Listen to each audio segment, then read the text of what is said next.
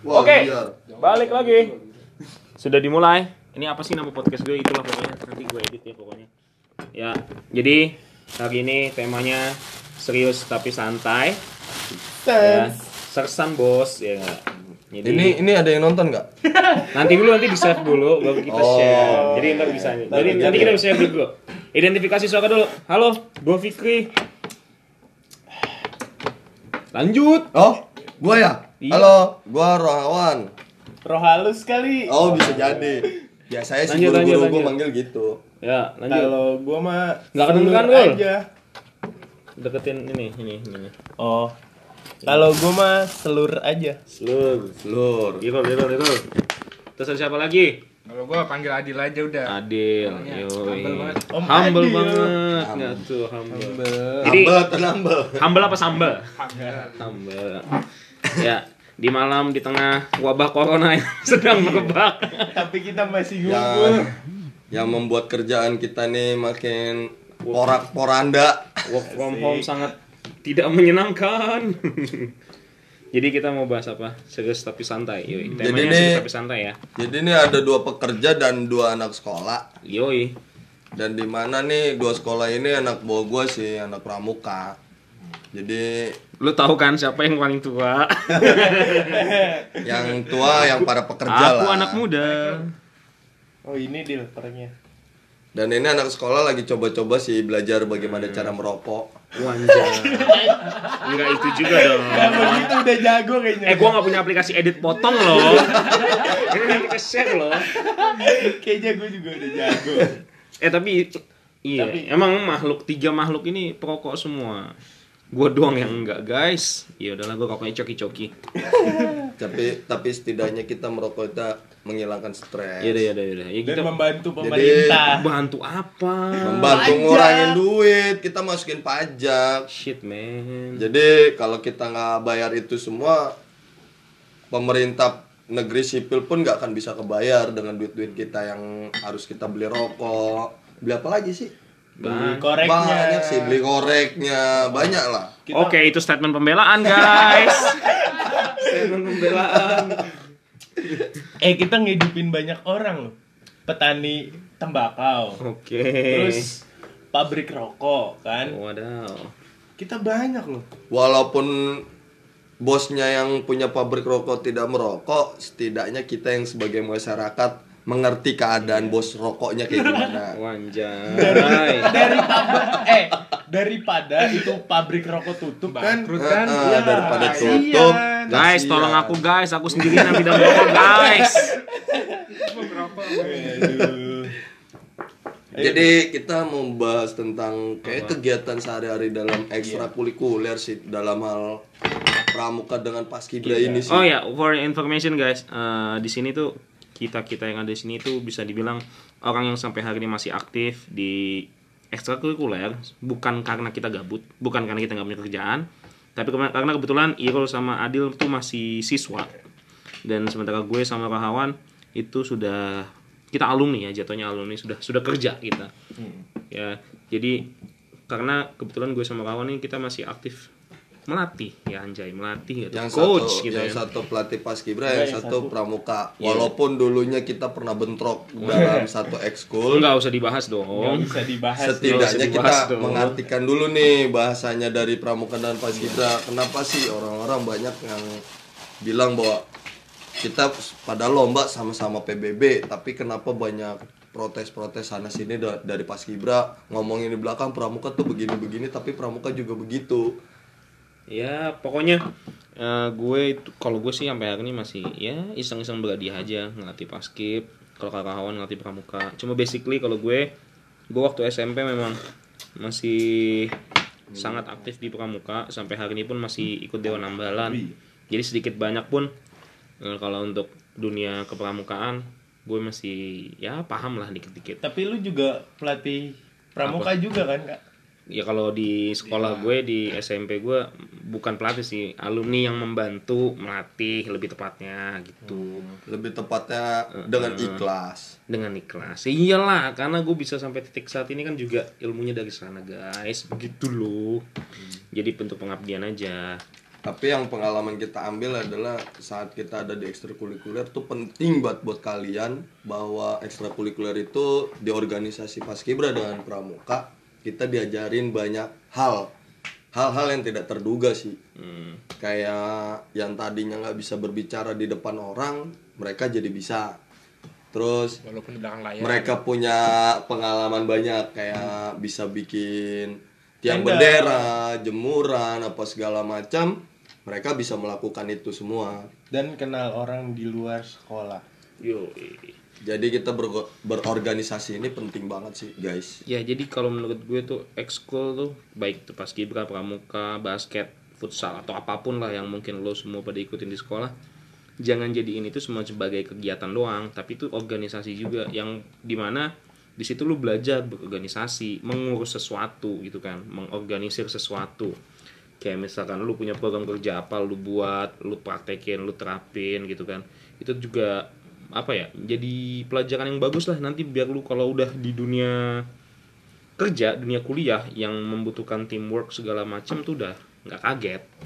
Karena kalau perbandingan sekolah dengan kerja dengan ekstrakurikuler itu yang kepake untuk dunia kerja pasti di ekstrakurikuler kalian. Karena ekskul itu penting di saat kerjaan karena akan kepake banget eh, saat menjadi seorang pemimpin itu bagaimana sih cara memimpin anak buah kalian yang tadinya nggak bisa jadi bisa gitu aja Hmm. Mungkin nambah tema Betul. lagi. Te- Eh, lu- perbedaan apa sih perbedaannya Paskibra sama Pramuka? apa yang mau jawab nih ayo gue gue dulu nih ya aja dulu, Dulu dulu. kalau buat gue sebenarnya gue nggak tahu ya apakah teman-teman yang dengar di sini juga menyadari hal yang sama tapi gue menyadari bahwasannya kalau kalian telisik sejarah eh, orang yang mendirikan pasukan pengibar bendera pusaka pertama kali pun kalau nggak salah itu orang yang berasal dari kuartir nasional. Yang berarti pas Gibra itu adalah eh, yang diriin orang-orang dari kepramukaan juga. Jadi makanya menurut gue pramuka tetap jadi induk sih. Kan di mana juga pramuka kan sudah punya ADART yang jelas ya. Bahkan sampai tingkat nasional pun dia ada kuartir nasional. Kemudian di provinsi ada kuartir daerah di kota ada kuartir cabang di kecamatan ada kuartir ranting. Jadi struktur organisasinya dari yang paling bawah sampai paling atas tuh jelas. Tapi kalau pas kibra kan sifatnya apa ya kayak hanya selebrasinya dia tuh hanya ketika jadi pasukan pengibar bendera pusaka baik tingkat kota provinsi maupun nasional. Jadi menurut gue kalau gue bilang mungkin induk ekskul itu semua dari pramuka karena pramuka tuh banyak banget ya banyak Iya, banget gak sih banyak banget. lu kalau misalkan lomba coba deh kalau lomba pramuka nih guys lu pasti akan menemukan lomba A ke lomba B pasti materinya beda-beda ya kan kadang bahkan ada lomba Ekskul lain. Enggak, maksudnya gini, kadang anak pramuka mungkin ada lomba bikin vlog gitu kan, lomba fotografi gitu. Itu kan sebenarnya kita nggak diajarin kan, maksudnya nggak nggak kita ketemuin di hidup sehari-hari itu mungkin kalau kayak fotografi, bikin vlog itu kan lebih kreativitas Masing-masing. kita ya. Tapi kadang di pramuka ada loh kayak gitu, lomba-lomba kayak gitu. Bahkan kadang nih main game aja, dart game aja itu dilombain ya kan. Itu sih eh, pramuka tuh luas. Jadi gue sih nggak tahu ya karena mungkin basically gue juga dari pramuka. Gue sih lebih lebih menyenang menyenangi pramuka karena pramuka itu cakupan ilmunya luas banget. Tapi kalau pas Gibra bukan nggak luas, dia ada skupnya tersendiri. Dia memang spesifikasinya keahliannya adalah pasukan pengibar bendera, ahlinya dalam baris berbaris. Dua hal itu sih. Itu. Terus apa lagi? Ada yang mau tanya lagi? Ada yang mau dibahas lagi? Hmm. Lu Kak gimana? Apa? Kalau jawaban gua kalau di Paskibra dengan Pramuka ya perbedaannya itu sih emang. Jadi Paskibra hanya untuk pas eh, pasukan Pengibar.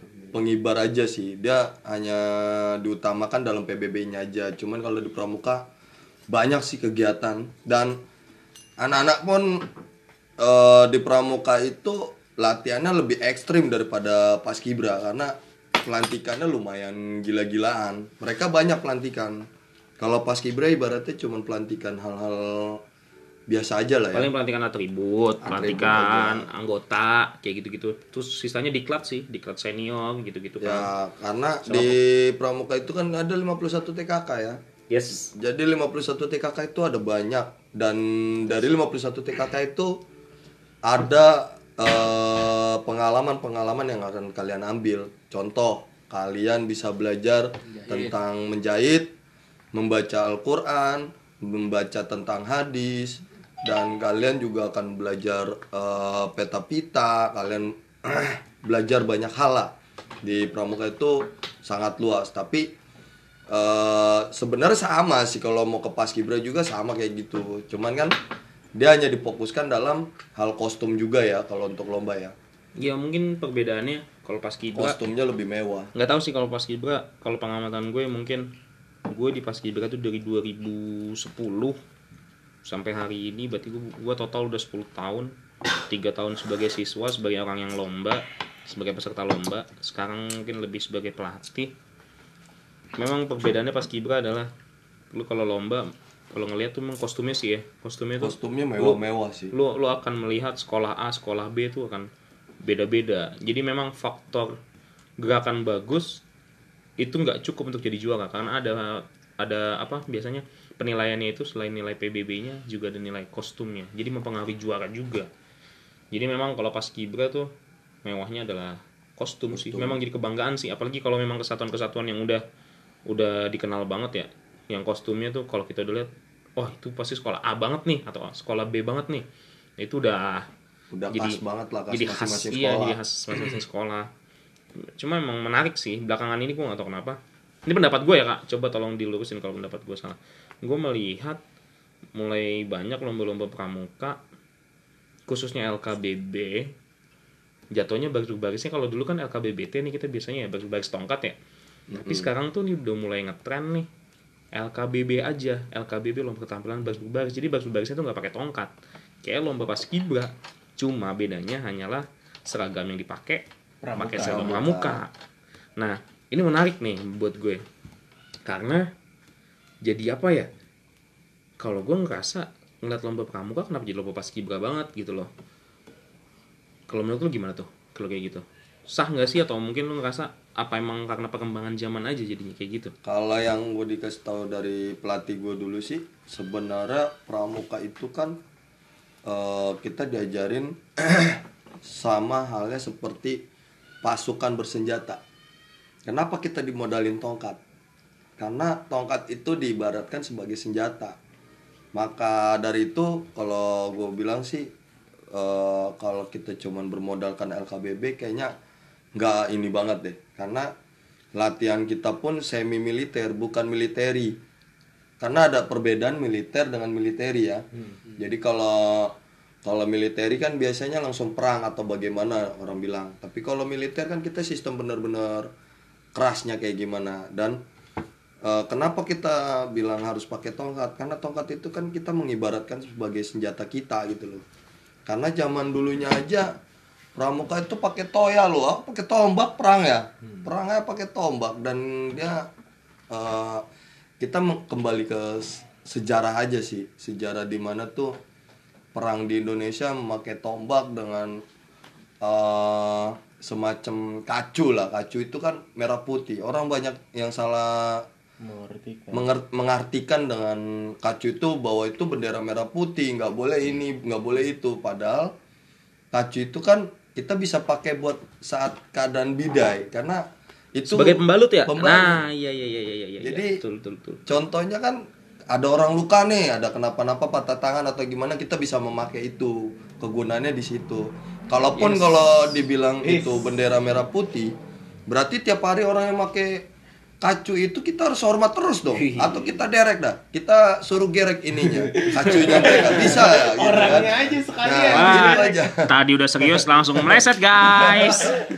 Karena kan kita mikir gitu gimana sih eh, orang banyak yang bilang pelatih pelatih nih tapi pelatih gue ngomongnya ini loh eh, bahwa kacu itu bendera merah putih. Kalau emang bendera merah putih bisa diderek gak tuh? Pertanyaannya gitu aja ya kan permasalahannya Mungkin lebih banyak orang-orang yang nggak tahu ilmu ke sana tapi masih apa ngasal membicarakan itu semua ke anak-anak. Itu kali ya yang bikin makanya kalau buat jadi instruktur pramuka tuh jadi pelatih pramuka ada yang istilahnya apa sih? KMD, apa KML gitu-gitu ya. Semua ada Oh, iya, iya, iya. tingkatan-tingkatan. ada tingkatan-tingkatannya ya. Hmm, bagus sih. Ya itu mungkin juga sih yang jadi yang bikin beda paskibra sama pramuka. Paskibra tuh tidak punya institusi yang menaungi yang kemudian di mana para pelatihnya tuh untuk bisa jadi pelatih tuh ada jenjang yang harus kursus-kursus yang dilewatin ya kayak ada standarnya Sedang- gitu Yes, kan. ada standarisasi ya. Harusnya sih seperti itu. Ya. Kalau sekarang kan istilahnya gue yakin pelatih-pelatih pas juga di mana pun berada, gue yakin mereka yang melatih itu berarti mereka punya kemampuan, punya kelebihan.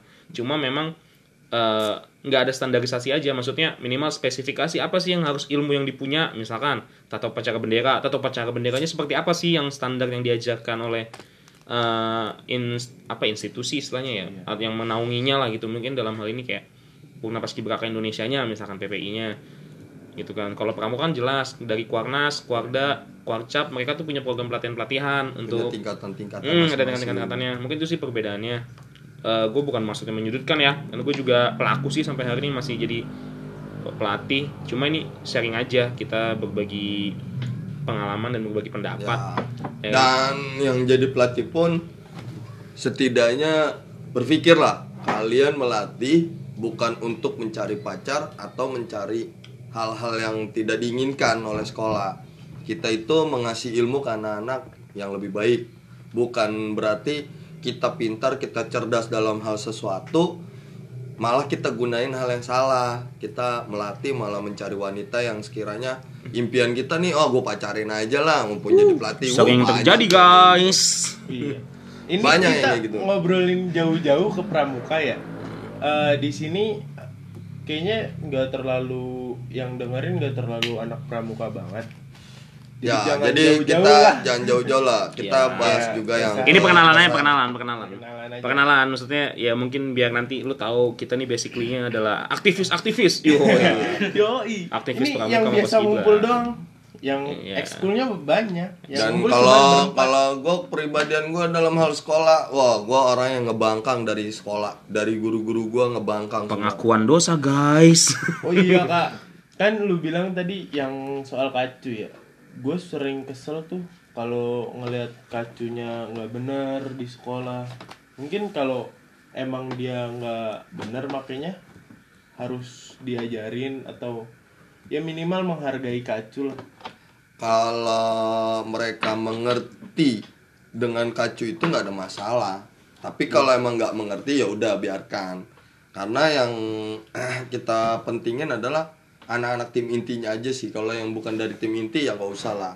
Itu kan haknya mereka masing-masing. Tapi sih kalau menurut gue kan sekarang tuh udah ada pramuka wajib ya tiap, tiap berapa minggu eh sebulan sekali apa sebulan dua kali sih? Sebulan, Sebulan sekali ya. Kalau kalau di SMA kita nih sebulan sekali. Jadi menurut gue harusnya di pramuka wajib itu sih menurut gue kak. Jadi kayak lu semacam edukasi nih ke semua siswa.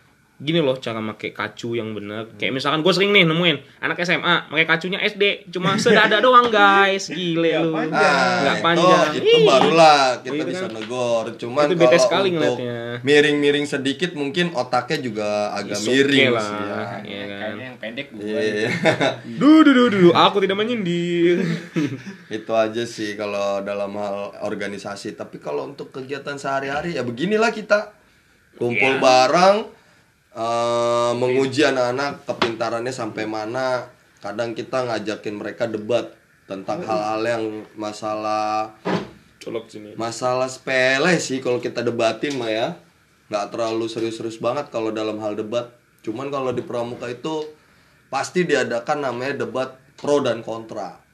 Jadi kita juga bisa sih nih kalau misalnya ngumpul ada empat orang kita bisa ngebandingin dua-dua nih pro dan kontranya kita bagaimana Gua tidak siap. Jangan sekarang, jangan, Jangan sekarang dong. Aku tidak punya materi, guys. Kita serius tapi santai. Iya. Sersan kita, sersan. saya pernah Mungkin di episode eh, depan. ya Mungkin di next chapter, guys.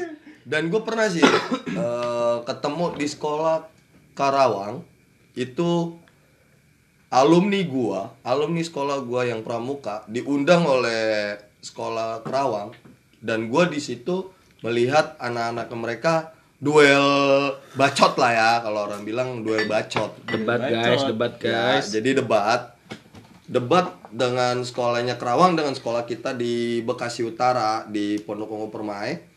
Eh enggak di Pondok Ungu Permai sih. THB, THB. Sekolah kita Ya, THB. jadi ketahuan deh. Tahu kan? Kayaknya cuma satu deh. Eh, cuma satu deh sekolah satu deh. Nah, jadi di mana itu eh gua ngedebatin pro kontranya tentang dasar dharma yang ada 10. Jadi pro-nya itu adalah kalau pro apa sih? Pro ya dia Mendukung, mendukung. mendukung kan pro itu kan mendukung 10 dasar dharma sedangkan yang kontra itu dia membagi eh, merubah sorry meng- mengubah dari 10 dasar dharma itu menjadi 5 dasar dharma. Contoh kayak misalnya kayak kan eh, dasar dharma itu ada takwa pada Tuhan yang Maha Esa. Kedua ada Cinta alam dan kasih sayang sesama manusia. ketiga Patuh. Patuh. Apa sih? Patuh. Patuh dan patuh yang eh patriot yang sopan Pat- kali Enggak, taci patriot. Taci, ta- ta- patriot ta- yang sopan dan, ke- bersatria. Iya, ih apa sih tadi? Nanti kalau salah tolong di rata deh guys. Mohon maaf nih. Searching dulu deh, coba searching dulu deh, searching dulu. Searching dulu, searching dulu. Ntar dulu ya. Itu, kita jadi- bukan anak pramuka. banget sih. Jadi debatnya tuh keren. Eh, Malu-maluin lu pada lu. Anak pramuka udah sedang mah kagak hafal. Tahu Lalu singkatannya doang, Taci. Papa Kayak di Besu. Eh. Bersuci. jadi tuh ada yang kayak dari yang dasar dharma satu, kenapa sih nggak digabungin dengan dasar dharma kelima? Kan halnya hampir sama. Misal contoh ya. Tak takwa Takwa kepada Tuhan yang Maha Esa satu. Satu itu takwa kepada Tuhan yang Maha Esa, dua cinta alam dan kasih sayang sama manusia, tiga patriot yang sopan dan kesatria, empat patuh dan suka bermusyawarah, lima rela menolong dan tabah, enam rajin terampil dan gembira, tujuh hemat cermat dan bersahaja, delapan disiplin berani dan setia, sembilan bertanggung jawab dan dapat dipercaya, sepuluh suci dalam pikiran, perkataan dan perbuatan. Nah. Tapi Cuy, sini ini 10 dasar dharma ini sebenarnya penting sih dalam kehidupan kita sehari-hari. Karena apa? Pertama, kita takwa kepada Tuhan yang Maha Esa. Saat kita menjalankan hal yang sesuatu ya, itu. Hmm. Lalu setengah jam kalau nggak. karena takwa kepada Tuhan yang Maha Esa itu penting banget buat kehidupan kita sehari-hari. Kalau kita mau melakukan hal kerjaan atau apa, kita selalu berdoa dulu untuk melangkah yang lebih baik. Terus cinta alam dan kasih sayang sama manusia. Kenapa kita harus cinta alam? Karena alam ini diciptakan oleh eh, Allah Subhanahu wa taala Atau mungkin ya. Dan kenapa kita eh, harus kasih sayang sama manusia? Karena berteman itu kita penting banget, Bro. Gak, nggak harus kita mencari musuh sih dalam kehidupan sehari-hari ya. Iya. Terus tiga itu patriot yang sopan dan kesatria. Patriot itu pribadi kita sendiri ya. Patriot itu kita, kita yang sopan dan berjiwa yang kesatria. Karena kalau kita menjadi orang yang nggak sopan, orang itu akan melihat kita kayaknya ini orang nggak bagus untuk dijadikan teman gitu kan. Nah, dalam yang di gua debatin di Kerawang itu semacam dua ini kenapa nggak dipindahin ke lima di dijadiin sama yang keempat misalnya Apa empat patuh empat, dan lima, suka bermusyawarah karena kan hampir sama di apa? Di sepatu Apa dari sama kan? apa- Dari apa apa? apa? jadi cinta alam Dan cinta alam dan kasih sayang sama manusia Jadi yang satu sama dari yang dua ini kenapa nggak nggak nggak kita hapus saja dan dijadikan di eh, lima aja Lima kayak eh, apa? empat patuh dan suka bermusyawarah nah kita itu banyak mendebatkan tentang eh, perdebatan mereka yang dibilangnya ini sama ini sama. Karena eh, pas saat kita menjawab itu semua jawaban itu gokil abis. Gokil abis. Karena yang dilawan nama ibaratnya alumni itu udah lulusan dan kita ngelawannya anak-anak yang sekolah menengah atas SMA di saat kita berdebat itu eh, jawabannya oke lah kalau dibilang anak Kerawang itu dibilang dewasa dewasa jawabannya jadi jawabannya mereka apa? jawabannya mereka eh, contoh seperti dibilang saat dia kan eh, mempertahankan ya eh dia tidak mempertahankan ibaratnya kontraknya dia kita sebagai alumni di pramuka saya itu kita ini pro. Jadi kita mempertahankan bagaimana caranya mempertahankan dasar dharma 10 itu. Nah, dia merubah semuanya dan bahwa dia kenapa nggak begini-gini saat kita jawabannya adalah begini. Kita dibuat 10 dasar dharma sesuai kepribadian kita di zaman dahulu. Zaman dulu perilaku kita seperti ini. Wah, waktu udah mulai habis nih kayaknya.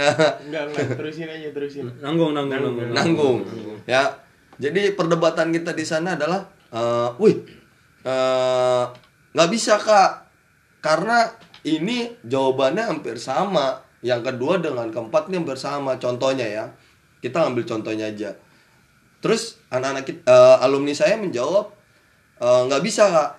Sa- soalnya ibarat kita ngebangun sebuah perumahan kita harus membangun ceker ayamnya dulu nih berawal dari ceker ayamnya Fondasi, guys. ya. kita membuat kita membuat Ayam fondasi dong. dulu ya kan ibarat ceker ayam dulu dong ya Kak? Kalau yang nggak tahu ceker ayam itu Iya. ya Kakinya ayam. kakinya ayam jadi pe pondasinya Itu yang yang biasa di shop, guys.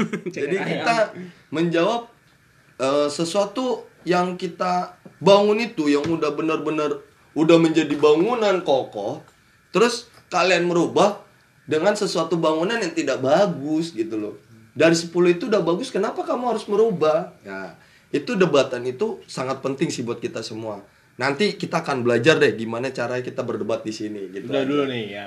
Oke, udah dulu ya. Udah dulu, ntar Kak. apa, apa? Masih, masih, Masih ada ada statement, ada Eh, statement statement tambahan. Gue mau nanya sama Adil nih. Apa Kenapa tuh? sih lu masih bertahan di pramuka? Sesama anak pelajar, guys. Kita dengarkan. Ayo. Apaan ulang? Apa sih? Kagak jelas lu. kayaknya Adil eh, kurang kefokusan ya kayak kurang aqua deh Kurang aku ini. Tapi Kalau dia nggak ada minumnya apa- kopi. Maaf, Tapi dia minumnya kopi. Kenapa lu masih bertahan di pramuka? Ya, gua ya, pengen nyari apa pengalaman baru di pramuka soalnya kan Ah, gua klise banget jawabannya anjir. Ayo dong. Klasik banget. Lu nggak punya jawaban yang original gitu. Itu klasik semua anak pramuka gue tanya juga begitu jawabannya. Nyari pengalaman. ya udahlah gua diajak Dimas ini kan. Orangnya nggak ada guys pakai dibawa-bawa lagi Iya. Oke, ada lagi? Kalau gua masa eh, ini karena di pramuka gue bisa keluar dari sekolah juga. maksudnya maksudnya itu eh, kenal sama orang di cabut di luar dong, nggak, sekolah. cabut. Kayak yang gua dimaksud itu, eh, bisa kenal Iya, satu sama lain satu jadi sama nggak lain. nggak cuman Nggak kenal di di lingkungan lingkungan sekolah sekolah. Jaringannya luas, pertemanannya luas. ya kayak Gitu. eh, contohnya gue punya hobi naik gunung kan terus Nih, ikut gunung siapa nih Gunung siapa nih? Gunung siapa Eh jangan nih? gitu dong. Gunung mana nih? oh iya gunung mana nih ya kalau kita nanya Kita- gunung siapa gunung iya ciptaan iya Allah ciptaan Iya. ciptaan Allah Lu ntar kalau bilang gunung mana, gunung sehari kan gak Nah, lucu. Iya. nggak lucu lu beli buku di sono Gunung Agung itu. jadi dilanjutin kan Ayo lanjut lanjut. Lanjut. lanjut. lanjut. jadi gue punya hobi kan naik gunung Yes. terus di dalam pramuka itu ada saka Saka apa? Eh, Saka itu ada berapa dong Saka Enggak usah panjang dong, ini tinggal berapa dong. menit lagi. Kayaknya Saka lebih dari Saka apa? 10 gitu. Yang lu Gua maksud Saka? Sakanya Saka Wana Bakti. Wana bakti. Artinya Wana itu hutan, bakti itu berbakti. berbakti pada hutan, guys. Jadi berbakti kepada hutan. tapi tadi lu bilang apa alam alam alam. wahana Wana. Nah, iya wana Wana itu hutan. Hutan. Bakti itu kayak berbakti itu. berarti hutan yang berbakti Hmm, bakti kepada hutan.